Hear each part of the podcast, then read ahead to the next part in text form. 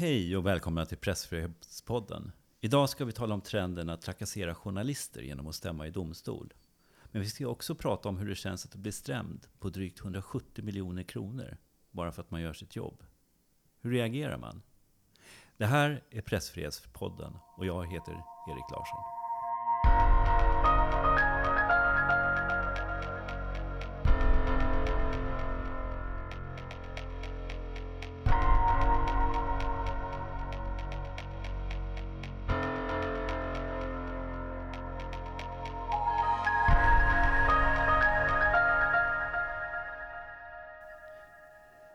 Finns många sätt att tysta medier på. Rika affärsmän och företag använder allt mer domstolar för att ge sig på journalister. Det finns numera till och med en engelsk term för det. SLAP. Strategic Lawsuit Against Public Participation. Det har till och med blivit så vanligt att EU-kommissionen har beslutat att försöka stävja detta. I april kom kommissionen med ett förslag på ett nytt EU-direktiv som ska stoppa missbruket. Bland annat genom att de som stämmer på svaga grunder själva riskerar att bötfällas. För att prata om det här har jag bjudit in två gäster, nämligen frilansjournalisterna Anneli Östlund och Per Agerman. Eh, ni, ni, har alltså blivit stämda i brittisk domstol på drygt 170 miljoner kronor. Först av allt så undrar jag, hur känns det? Ja, eh, jag tycker att det, det har känts absurt egentligen genomgående. Egentligen känns det overkligt på något sätt fortfarande samtidigt som det har blivit en del av jobbet på något sätt att hantera den här processen. Men det känns förstås också väldigt obehagligt och min man konstaterade nyligen ganska upprört att jag varken hade frågat honom eller vår dotter innan jag gick in i det här. Och den anklagelsen kände jag att jag hade svårt att svara på. Så jag sa väl ungefär bara, men, men du då? Vadå, hur, hur då? Men du då? Ja men, eh, jag menar hur, ja, han hade ju rätt. Så jag känner så här. Jag gick in i det här utan att eh, fråga vad han tyckte om det. Jag menar det påverkar ju hela vår familj. Du inledde en journalistisk granskning utan att fråga din Ja men så här, jag gick in i den här stämnings, möjlig, alltså så här, vi, visst, vi visste ju vi blev ju stämda och vi blev eh, hotade innan dess att vi skulle bli stämda. Och innan, jag, innan vi gick, bestämde oss för att gå vidare så pratade vi naturligtvis med eh, chefredaktören och, och eh, VDn och så. Men jag pratade inte med min man eller med, med, min dotter och det tycker min man att jag borde ha gjort för det påverkar ju hela vår ekonomi. Om, eh, om jag skulle hamna i personlig konkurs, vilket vi hotas av, så eh, tycker han, jaha, alltså, ja, men skulle, vi skulle sälja, kanske få sälja huset eller ta dub, dubbla lån och du vet, hur, hur skulle det gå? Och så skulle jag leva på existensminimum i resten av mitt liv ungefär. Ja. Per, hur tänker, Nej, men det, det, det, det är det som är det absurda, just att, att, man, att, att man gör sitt jobb som reporter och journalist och försöker då granska en företeelse som man tycker är av allmänintresse. Och sen så måste man ta in den här typen av, av eh, frågeställningar eller tankar i processen. Det, det, det, det visar ju på det absurda i det hela. Liksom, att det, det, det får sådana enorma konsekvenser. Eh, och egentligen någonting som man, så att säga, eh, inom Sveriges gränser så skulle det aldrig kunna bli den här typen av konsekvenser. Just att det är sådana enorma kostnader att, att försvara sig i en sån här stämning då, som det handlar om i det här fallet. Mm. Men hur har den här stämningen påverkat er journalistiska arbete? Tänker ni er för innan ni ge på ett jobb nu? Alltså man kan väl se som bakgrund att vi, eh, vi har ju stött på advokater tidigare under årens lopp. Eh, framförallt då eh, i Sverige. Som också har haft en del synpunkter på vad man har gjort och sådär inför publiceringar. Men det här sticker ju ut så att säga, på, på alla, alla möjliga kanter. Men, men, men grunden är ju att, att, så att säga, vi gör ju bara vårt, vårt jobb som vi alltid har gjort på samma sätt. Och det kan man egentligen inte sluta med. För om man skulle böja sig för den här typen av hot så kan man ju egentligen inte göra sitt jobb. Så det, det, det, det är liksom en, en, ganska hård kontrast där, antingen på eller av. Alltså man får i så fall säga att men, vi kan inte granska eh, företag som gör sig och så, eller vi, vi, kan inte skriva alls om företag som, som befinner sig i England exempelvis. Det, det är ju ganska absurt i en värld där näringslivet blir allt mer eh, globaliserat och utan, utan gränser. Vi, vi ska strax komma in på vad era artiklar hamna, handlar om. Eller, men innan så undrar jag om ni hade vetat det ni vetat idag. Hade ni skrivit, hade ni gjort den här granskningen då? Eh, ja, det måste vi, det måste vi säga att vi, vi skulle ha gjort. För vi visste ju att eh, han har eh, initierat stämningsprocesser förut när han eh, det vet vi, det har vi tagit reda på i vår granskning då, det har kommit fram. Eh, och eh, Nej, men det var, det var väldigt... Eh, och, och den här, de här, det här hotet om stämning kom ju väldigt, väldigt tidigt i processen. Så när vi blev stämda på riktigt, när det kom, då blev jag inte förvånad. Så vi gick nog in i det här med vetskapen om att risken var stor. Men sen blir summan 170 miljoner kronor. Det spelar ju ingen roll om det blir 170 eller om det blir 50 miljoner eller någonting sånt där egentligen. Det, det räcker ju med, med mycket mindre än så för att vi, vi skulle eh, liksom vi hamna i personlig konkurs om vi skulle förlora. Så det handlar ju helt enkelt om att kunna försvara sina texter. Jag tänkte att vi skulle prata lite om, om eh, granskningen, lite grann vad, vad är som har hänt, så att ni som lyssnare får en bakgrund. Eh, ni gjorde alltså en granskning av den svenska affärsmannen Svante Kumlins solcellsföretag, som heter EEW. Och eh, ni tittade på svenska aktiesäljare som marknadsfördes bolagets aktier till svenska investerare. Och det visade sig att flera av de här hade kopplingar till eh, tidigare ekobrottshärvor. Artiklarna, det var tio stycken, de publicerades 2020 i Svenska Affärstidningen Realtid. Kan ni berätta lite mer om eh, varför ni började granska det här företaget och vad var det som, vad handlar det om? Det är egentligen det som jag och Anneli håller på med sedan jättemånga år tillbaka. Just att, att, att, titta på, på företag som söker sig till, eh, till aktiemarknaden, till börsen eller som då håller på att ta in pengar, gör stora affärer. Ehm, eh, kanske då också så att säga, marknadsför sig mot svenska småsparare, att de då vill, vill få eh, svenska investerare att, att, köpa, köpa aktier helt enkelt. Det är lite grann det som vi håller på med som, som eh, ekonomijournalister. Eh, granska företag och, då, då, det är ju de här grundläggande frågorna. Liksom, vad är det för bolag? Vad är det de lovar? Vad har de för bakgrund?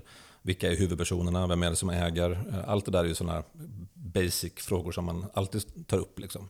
Ehm, och det här var egentligen på, på samma sätt. Ehm, vi såg då att det här bolaget, Eco Energy World som det heter, att de hade gått ut med en, en pressrelease att de skulle då göra eh, en stor eh, finansieringsrunda, ta in en, drygt var det 6 miljarder kronor totalt. med hjälp av en norsk investmentbank. Det här kom ut då under sommaren eh, innan vi började, började kolla på detta. Samtidigt såg vi då att de eh, på något sätt så var det någon som sålde aktier i det här bolaget till svenska småsparare lite sådär vid sidan av. Eh, och det där är liksom en grundläggande ska man säga, ja, intressekonflikt. Eller liksom, om, man, om man har en stor investmentbank som ska ta in 6 miljarder så brukar man inte sälja aktier vid sidan av. Så lite grann. Det hör inte till vanligheterna. Och det är så här, en fråga, vad är det här som händer? Varför, varför, varför gör de så här? Det är en väldigt enkel fråga att, att utgå ifrån. Det var egentligen där vi kom in, så att titta på vad är det de säger till de här svenska investerarna att de ska göra? Uh, vad, vad, säger de liksom till dem och vad säger de då sen publikt utåt i den här större miljardfinansieringsrundan? Liksom. Det där var lite svårt att få ihop. Liksom. Så det var det, det vi började titta på. Det, det, låter som en väldigt intressant, men eh, för mig en ganska vanlig journalistisk granskning. Ja. Men vad händer sen? Ehm. Ja, eh, rätt tidigt då så försöker vi då såklart ta kontakt med, med huvudpersonen och, och bolag för att fråga liksom, eh, vad heter det normalt som man gör. Då. Vi har ett antal frågor, vi har sett de här sakerna, vi vill ha svar på ett antal frågor. Vi vill höra deras version av vad som har hänt och sådär. Ehm, och vi fick faktiskt eh, i en vända så fick vi liksom ett så att säga, normalt svar där man då liksom, vi fick några så att säga, officiella uttalanden från bolaget och, och, och grundaren då, Svante Kumlin. Eh, men när vi sen då började ställa fler frågor, mer, mer fördjupade frågor om, om, om hans bakgrund och hans affärer så lämnade han över så att säga, frågan till en advokatbyrå i London som kom tillbaka då, eh, med väldigt snabbt med ett väldigt hårt brev som sa att eh, i princip ställ inga mer frågor till Svante Kumlin. Utan backa undan ungefär. Det var det som var så att säga, budskapet i det, i det brevet. Både när det gäller vår kommunikation, eller deras kommunikation med oss via då advokater och sedermera också en PR-byrå, så har ju de i, de har sagt att vi svarar inte på frågor. De har ju till och med, det var ju, I ett mejl från PR-byrån så ifrågasätter de till och med hur, vad, jag förstår inte ungefär varför ni, vad, ni, vad ni vill med alla dessa this litany of questions, alltså alla dessa frågor. Ni borde bekymra er över att advokaterna läser precis varenda rad ni skriver. Eh, det som är, kan tyckas lite märkligt i det här fallet, är att Realtid är ju en svensk tidning som vänder sig till en svensk publik. Men ni åtalas i London. Eh. Stäms. Vi stäms. Vi, vi, ja. ni, ni, stäms i London, ja. ursäkta. Eh, ni, ni stäms i London och då undrar man lite grann, hur går det här till? Ja, det är en väldigt eh, rätt fram och rak och enkel process i England, höll på att säga. Nej, men det är, du, du, har rätt att stämma eh, personer i då, brittisk domstol. Det är High Court i London som är en specialdomstol för den här typen av förtalsmål. Eh, och där kan både företag och individer stämma då medier, eh, antingen då eh, mediebolag, redaktörer eller då till och med ner till enskilda individer, enskilda, enskilda medarbetare. Och I det här fallet då så har, har, har eh, så, så, valde då det här, det här bolaget och Svante Kumlin att stämma både då Realtid, eh, vår ansvariga utgivare, eh, och då mig och Anneli personligen. Så att man tog liksom allihopa som hade varit inblandade.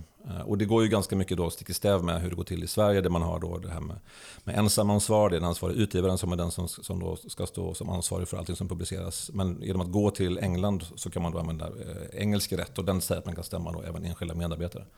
Och jag, jag, förstår att eh, ett av skälen är, är att det, det, kan ha nått en engelsk publik i och med att det ligger på internet. Det, men hade, om det hade varit, varit endast publicerat i en papperstidning, hur hade det gått då tror ni? Ja, det, det där är en ständig liksom, fråga egentligen. Alla förtalsmål i England det är ju då, eh, har det fått spridning i, i England? Och det finns ju exempel där, där man eh, har hävdat då från stämmande sidan, det här är då i andra fall, att, att ja, jag kunde, vad heter det, Eh, flyga till Heathrow och där så såg jag att det fanns en tidning från det här landet. Och då fanns den ju i England. Liksom.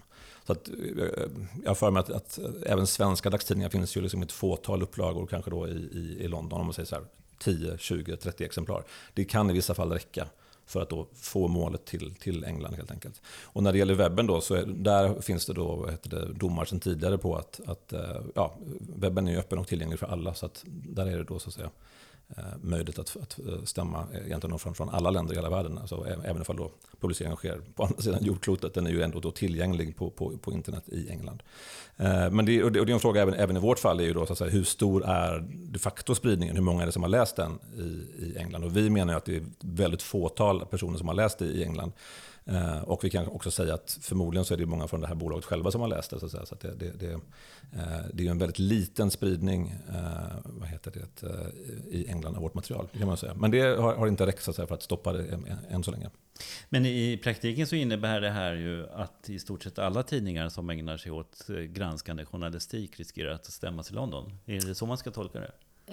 Ja, alltså så här, det hände ju det hände ju någonting när de, eh, efter Brexit. Det, jag kan inte förklara men, eh, helt och hållet, men som jag pratade med vår advokat eh, om det här, hur är det, hur är det att stämma vad ska jag säga, utländska journalister i London nu? Man får på något vis gå en omväg. Eh, det är inte lika lätt som tidigare, men eh, det, det är fortfarande möjligt. Men eh, däremot så är det ju fortfarande möjligt att stämma i en annan, eh, ett annat EU-land. Ja, där ser vi exempelvis att, att Irland ska, kan vara den typen av eh, då, eh, alternativ till England helt enkelt. Men, men, eh, skulle ni kunna till exempel ha blivit stämd i Eritrea eller Nordkorea eller väldigt bra fråga. Alltså, i, I grunden handlar det om vad, vad det landet uppställer för krav på en stämning. Att säga. Kan, kan jag liksom åka till Nordkorea och, och inleda en förtalsställning mot en svensk tidning? Det vet jag inte faktiskt om man kan göra. Men, men det, det, det, det baserar sig på att, att det enskilda landet har i så fall väldigt öppna och fria ramar för det. det, det ja. Men, men, vi hade ju säkert, eh, jag menar, EV har ju ett företag i, i Nederländerna. Och Eh, de, de, har ju liksom lite företag lite här och där så det hade ju väl varit möjligt att eh, stämma i de länderna också där de hade viss verksamhet. Man ska ju komma ihåg att ni även har en stämningshot mot er i Monaco. Eh, där den här publiceringen i svenska tidningar i realtid riskerar att leda till att ni döms till fängelse där? Vi, vi, har ju fått den informationen till oss från en advokatbyrå i Monaco, men sen, det har inte hänt någonting med, med den frågan sedan dess. Så att eh, just nu så vet vi ingenting mer om det. Så men det har, det har kommit den typen av, av, av brev till oss. Samtidigt så är det här precis så här som det ska, eller ska, som, som i alla fall enligt den svenska modellen så ska det gå till så här att om det blir en publicering, det blir en debatt, man kan gå till medieombudsmannen, man kan ju även inleda en förtalsprocess i, i Sverige. Men framförallt så, så är det ju det här att man har en öppen diskussion. Vi, vi har ju inga problem med att ha en diskussion om våra artiklar. Det är jättebra att, att de går ut och har en, en, gör debattinlägg och liksom pekar på det här är fel i våra, i våra texter. Då kan vi ju sedan svara på det de kan ju, ja, en, en, ett företag eller en, individ är ju fria att gå ut med press, pressmeddelanden. De kan göra liksom egna, eh, egna sajter och de kan göra egna det, motartiklar. Och, ja, de, har, de har väldigt många möjligheter att alltså, svara på en medial granskning. Så det är ju jättebra att, att den debatten inleddes lite grann i Sverige. Men den har inte, den har inte sen fortsatt utan det har gått, har gått vidare i London eh, efteråt. Så det, det, det, så har det blivit. Men vi, vi har inga problem att, så att säga, ta en diskussion om vad är det som är fel? Varför, varför har vi skrivit som vi har skrivit? Uh, så det är vi helt öppna för. Och det är ju, det är ju lite grann det som vi, vi, kan inte förstå. Vi, vi förstår inte vad det är som är fel. Om man säger så. Vi, vi har lyft fram händelser som vi har kunnat belägga. Vi har uh, lagt fram då vad bolaget anser har hänt och inte har hänt. Och det är det vi har skrivit. Ni, ni anser att ni har gjort ett jobb och att det har resulterat i en stämning på 170 miljoner kronor. Helt enkelt i London. Eh, och det, jag vet att det är flera journalister just nu runt om i Europa som stäms på liknande sätt av företag. Jag vet inte om det är med organisationer så mycket, men att det här är en allt vanligare trend. Nu undrar jag, när ni har gjort den här publiceringen och när ljuset nu har riktats mot er, har ni varit i kontakt med andra journalister som har berättat att de har varit rädda för att gå vidare eller har, har kanske varit tvärtom, att det har sporrat dem att göra? Eller, ja, hur, vilken effekt ser ni av stämningen mot er? Um, ja, rent generellt så är det korrekt som du säger. Det, är ju någon form av våg av sådana här förtalsanmälningar. Just också med, med, med, London som epicentrum kan man väl säga. Uh, och vi har ju mött väldigt många uh, väldigt modiga och starka journalister som har så att säga, tagit fighten och försökt att liksom få, få rätt och också har fått rätt. Vi hade ju en dom här ganska nyligen uh, som eh, var då till förvar för Carol Cadwallader Eh, frilansreporter som var då stämd personligen också i London eh, av, av eh, Brexit-supportören Aaron Banks. En treårsprocess som var väldigt hård. Hon fick gå ut och, och finansiera själv med hjälp av crowdfunding och sådana saker för att hon var då stämd personligen. Hon hade inget, inget försäkringsskydd och sådär. Så ganska lik vår situation. Liksom. Hon har ju kört det här hela vägen och hon, hon menar ju nu att att hon har vunnit, hon har fått fram sanningen då i, i, i brittisk rätt. Så det är ju, det är ju liksom en, en, ett, ett föredöme. Vi har ju, sen har vi också sett givetvis Eh, det finns ju de som har, har uttalat, eh, inte minst i, i, svenska debatten, just att ehm, ja, det är en del aktörer i Sverige som är rädda för stämningar i London och väl, väljer att liksom försöka att inte bli stämda helt enkelt. Eh, sen så vad de då gör för att inte bli det, det är en annan fråga. Men, men det har vi märkt. Ja. Men jag tänker också att eh, jag är lite rädd att den här stämningen mot oss kan ge andra aktörer att de får upp ögonen för den här möjligheten. Eh, att eh, stämma journalister utomlands och kanske i England eller någonting och börja hota med det.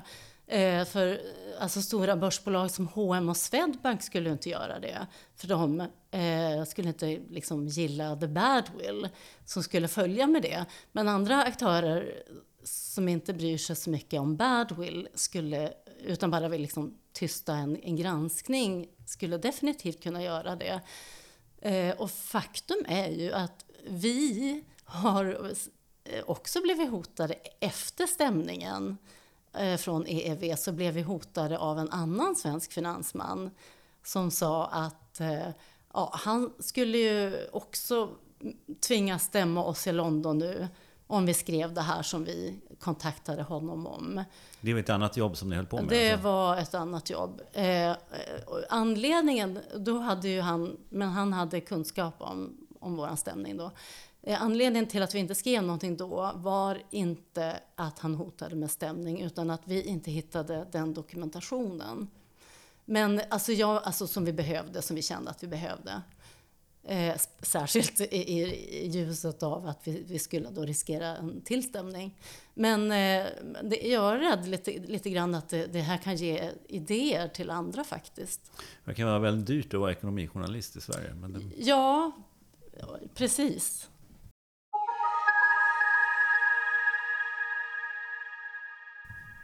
Det finns ju ett förslag från EU om ett direktiv nu och syftet är liksom att stävja det här missbruket, eller ja, rena rama trakasserier som eh, faktiskt journalister utsätts för i, genom stämningar. Eh, men kommer det här att få någon effekt? För Storbritannien har ju lämnat EU och på vilket sätt kan det här hjälpa oss europeiska journalister?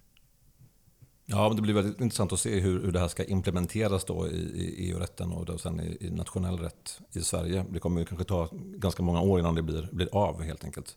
Eh, där finns, det finns ju en, en paragraf här som är intressant och det är just hur en, en, en dom i ett tredje land, för nu är, då, nu är ju eh, Storbritannien utanför, utanför eh, EU, så att om det kommer en dom i framtiden då från, då, eh, från ett tredje land, ska, det då kunna, ska den kunna implementeras inom EU i Sverige? Eh, den frågan är ju hur de ska få till det, det vet jag inte, så att säga, hur man ska skriva den, den typen av lagar. Men, men, den är ju intressant, men man har ju ändå gett ut en form av liksom, eh, uttryck för att, att EU ska skydda då, eh, vad heter det, från, från då illvilliga domar i andra länder utanför EU. Och det liknar ju lite grann det som finns i en del delstater i USA där man har då skydd mot den här typen av av, av processer. Man kan, man kan inte genomdriva dem i vissa delstater helt enkelt. Men vilken backning tycker ni har, ni har fått från eh, svenska regeringen, UD och EU?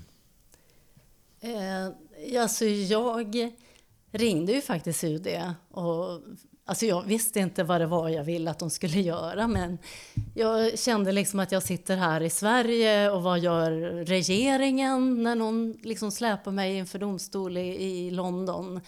Eh, och de sa att, jag hade väl ingen liksom klar tanke vad, vad det var jag ville.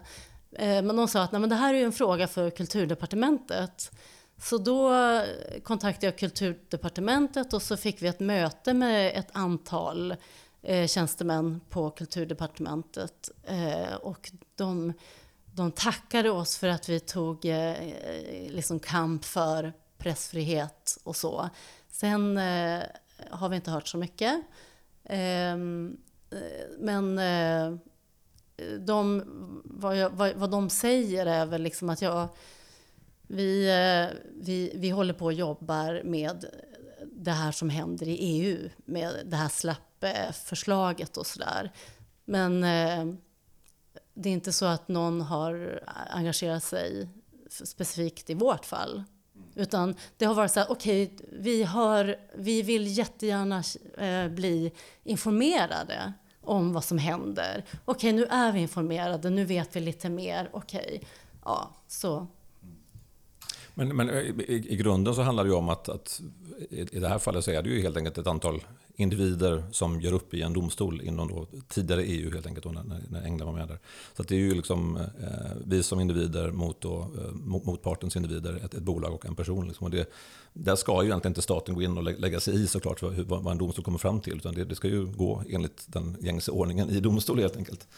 Eh, så att de, de, kan ju egentligen inte gå in och påverka det. Nej, fast vad jag skulle liksom ändå vilja, det är ju att Sverige kunde eh, på no, alltså att, att man kunde, att det, att det fanns en lag som gjorde att Sverige skyddar sina journalister och att man inte eh, liksom tillåter handräckning i Sverige. De kan ju liksom inte, om, om, de, om vi skulle ha en sån lag som vissa delstater i USA har, då skulle jag inte ens behöva åka till London och, och försvara mig. Eller hur? För att om, om, jag skulle, om det skulle bli en tredskodomar då och jag skulle dömas och betala ett skadestånd, då, då, då kommer de ju ändå inte kunna eh, vad ska vi säga, kräva mig på de pengarna så länge jag är i Sverige i alla fall. Nej, och det kan man tycka just att, att, att, brittisk lagstiftning är ju inte ny, utan den har ju funnits länge och man, man, man kan ju tycka att det, det kanske är lite yrvaket då att det är 2022 så kommer det här upp på EU-nivå och, då liksom, och politisk nivå. Man skulle kunna haft en, en sån här stopplagstiftning för 10 år sedan eller för 20 år sedan. Så det, det är ju en fråga, varför kommer det just nu då? Mm. Varför är det så sent?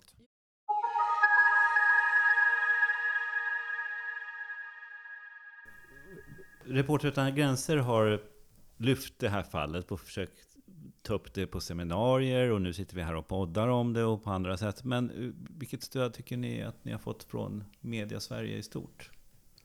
Ja, men vi har ju fått ett jättefint eh, stöd från eh, som, som du säger och även många andra eh, press och yttrandefrihetsorganisationer både i Sverige och, och och internationellt. Så det, det har ju varit fantastiskt.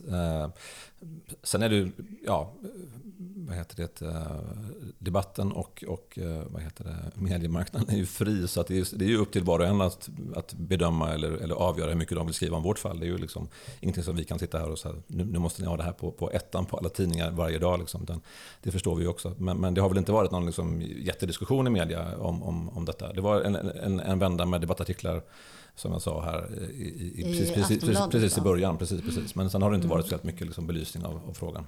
Jag tänkte när de eh, stora dagstidningarna i Sverige har granskat eh, olika ja, kriminella gäng så ibland så har man gjort sampubliceringar mm. där man har publicerat samma artiklar mm. i flera olika artiklar och det är ett sätt att mm.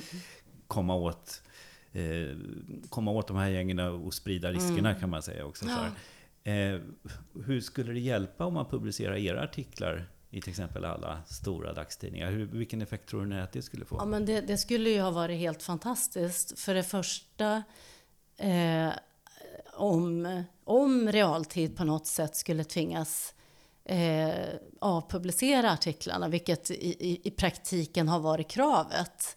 Eh, för att liksom, okej, okay, ta bort allt eh, det som är förtal i era artiklar, då, då, då, innebär det att vi får avpublicera dem i, i praktiken.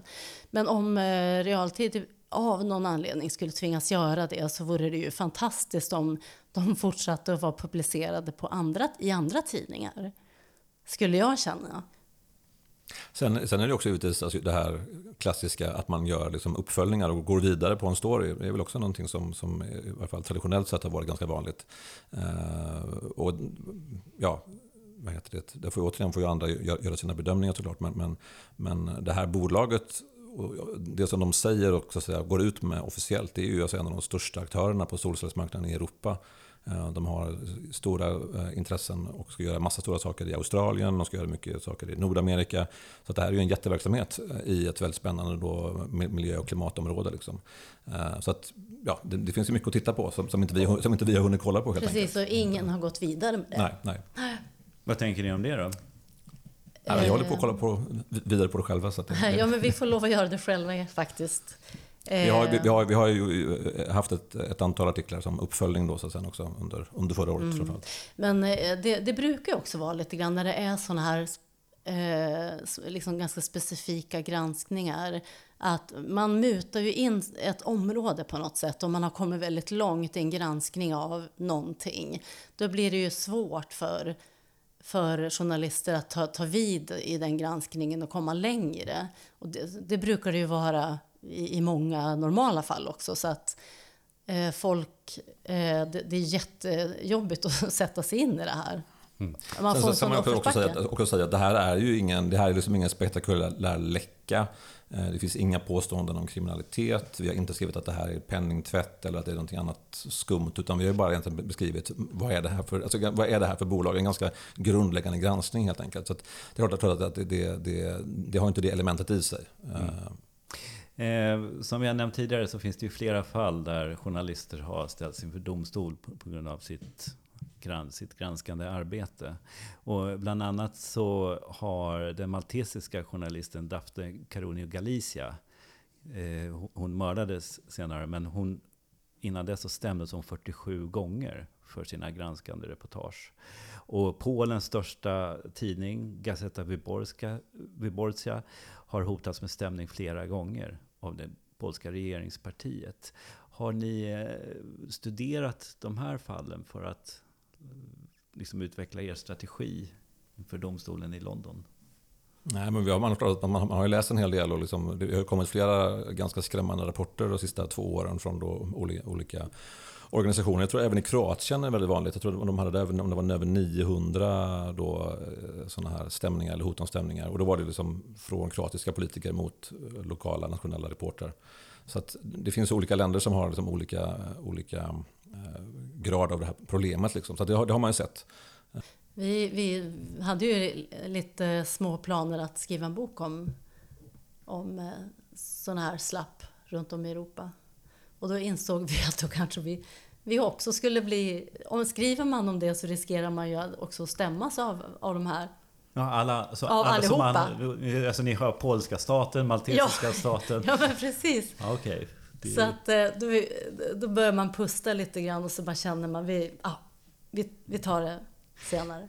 Ja, men det, är, ett- det är ett intressant ämne Ja. att att- gräva ner sig i. Just i, och med, att- I och med att det är så Mm. utbrett då såklart. Att det, ja. Jag, jag tänkte på det, det du nämnde tidigare om den här brittiska journalisten som ägnat tre år i domstol. Att försvara sig själv då helt enkelt. Eh, Det är väldigt mycket förlorad journalistik för, alla, för de som ställs inför de här valen. Liksom ett- Är det en medveten strategi som ni ser det? Ja, ja det, det är framförallt, det, det tar ju väldigt mycket energi och eh, konkret tid. Så är det ju. Och det, det, den tiden kan man ju då lägga på att vara med sin familj eller, eller jobba på ett jobb som man får, får en inkomst på. Och så där. Eh, det blir svårt i, i det här fallet. Då. man måste helt enkelt lägga mycket obetald tid på att, att försvara sig. Eh, det är svårt att säga om det liksom är en del av strategin. En, en del hävdar ju att det är just att, att man just ska dränera då, eh, vad heter det, den granskande parten på liksom, ja, alla resurser egentligen. Det är det, är det som är idén bakom detta. Men i, i vår, alltså, återigen, i vårt fall, alltså, vi, vi har inga problem att ta, en, ta en, en, ett, att, att försvara våra artiklar. Vi har inga problem att, att säga, eh, ta det i en process om det skulle vara så att det behövs. Eh, Det är ju just att i det, engelska systemet så blir det så absurt liksom, med, med eh, väldigt höga kostnader. Man måste ha väldigt mycket advokater och så. Så det är det är som är vad heter det, mm, ja, Det är det som är utmaningen. det som är utmaningen. att finansiera sitt, sitt försvar. För att en sån här process kan ju gå på, alltså bara för en sida, på cirka 12 miljoner minimum. Eh, Reporter utan gränsers eh, svenska ordförande Erik Halkskär, han berättade för mig nyligen att, att eh, han var i kontakt med en mexikansk journalist som inför varje granskning så skrev han över hela sin egendom på släktingar och vänner för att han var rädd för att de granskningarna som han gjorde skulle, eh, att han skulle förlora he, hela sin ekonomi om man gick vidare med de här granskningarna. Eh, har, har ni hört om liknande fall? Inte specifikt, men, men det är ju det som ytterst blir konsekvensen. I, I och med att man då eh, blir stämd personligen så, så, så kommer ju då, om man förlorar så kommer ju eventuella skadeståndskrav och även kostnadskrav att, att riktas mot en personligen. Ehm, Och det kan ju då som sagt bli väldigt höga belopp.